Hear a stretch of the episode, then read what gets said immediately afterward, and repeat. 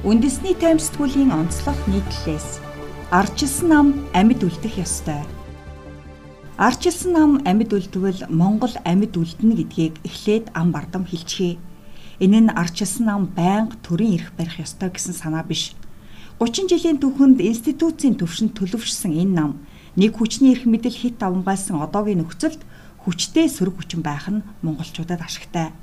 Угтаа бол арчилсан намдаа ч биш.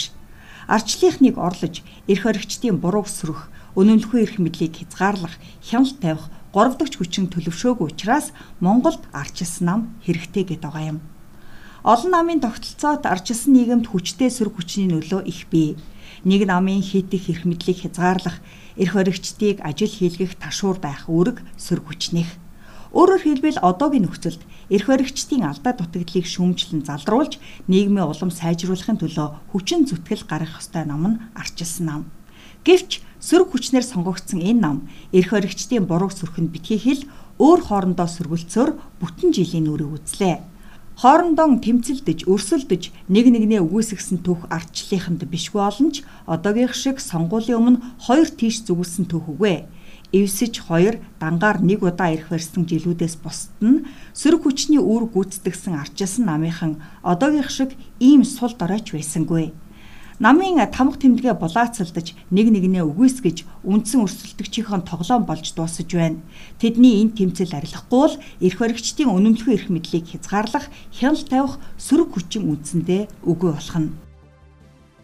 3 дахь хүчингүй 30 жил Одоогийн нөхцөлд арчилсан намыг орлох 3 дахь хүчин Монголын улс төр далгаа. Үндсэндээ өнгөрсөн 30 жилийн хугацаанд 3 дахь хүчин манайд бий болсонгүй гэхэд хэлсдэхгүй. Түүхэндээ ганцхан удаа шударгаас эвсэл улсын хуралд бүлэг байгуулж байсан ч тэднийг 3 дахь хүчнэр нэрлэхэд тун хэцүү. Эргээд сануулхад Монгол Ардын намыг хоёр хуваагдсны дараах сонгуул буюу улсын хурлын 2012 оны сонгуулиар Монгол Ардын Хувьсгалт нам Монголын үндэсний арчилсан намын шударгаас эвсэл 11-ээс судлаач улсын хурлд бүлэг байгуулж байлаа. Тус эвслийнхэн анх байгуулагдахдаа Монголын төр болон парламентэд шударга өсгийг тогтоож хэлмэгдүүлэлтийг зогсоохын төлөө нэгдсэн хэмээн зарлаж байсан. Тэд сонгуульд ч амжилттай оролцож Монголын түүхэнд анх удаага бүлэг байгуулах хэмжээний хүчтэй 3 дахь хүчин болсон гэгдэж яв. Тэрч бүхэл засгийн газарт хамтарч төр барилцаж явсан нь эвслийн бүлгийн хувьд том амжилт байсан юм а. Гэхдээ энэ бүхэн ердөө 4 жилийн настай байлаа.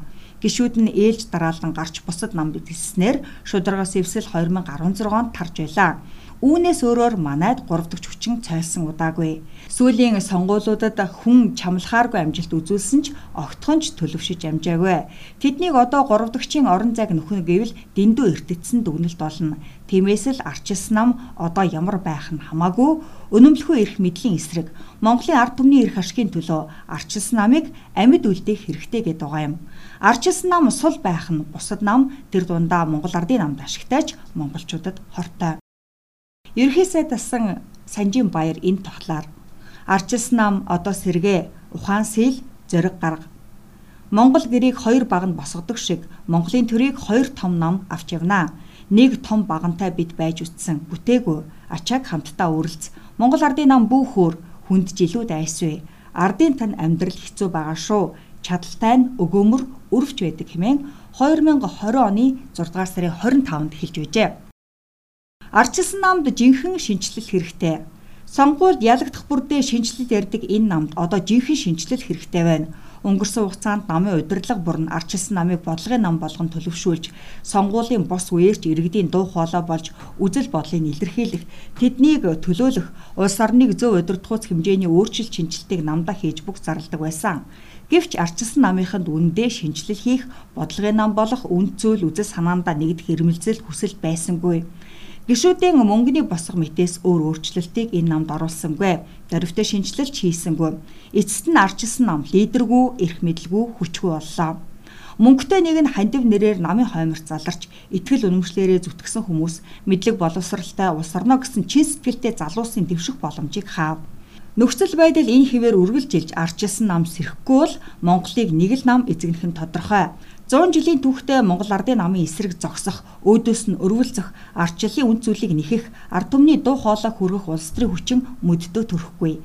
Тиймээс одоо л ардчлалынх нь дотоод зөрчил, тус тусын эрх ашгаан дарж, үнд зүйл, үзэл санаагаараа нэгдэх цагаа. Уг нь хоёр тишээ харсан ардчлалын зөвшөлтслийн ширээний ард сууж хоёр сонгуулийн өмнө эв нэгдлийг хангах тухай мэдээлэл саяхан цацагдсан. Гэвч хоёр талынхны намын дарга сонгох сунгаа зэрэг үйлдэлээс тэдний зөвшөлтсөл бодит хэсэг нь эргэлзээтэй хэвээр байна. Тэд хилэлцээрийн ширээний ард өөрсдийн эрх ашиг бус намын үзэл бодол ирээдүг чухалчилсан цагт амьд үлдэх боломжтой. Стегвэс олон хэсэг задарч улс төрийн тавцангаас арчигдж мэднэ.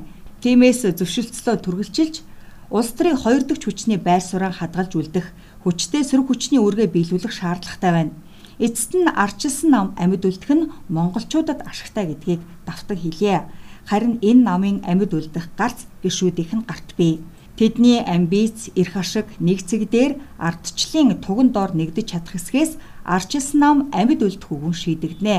Үнэхээр л арчилсан ном ардчлалын автор юм бол гişүүд нь автороор нь овголдог бол одоо л эрх ашигын хойно тавьж эв санаагаараа нэгдэх сэтгэл зүтгэл гарах хэрэгтэй.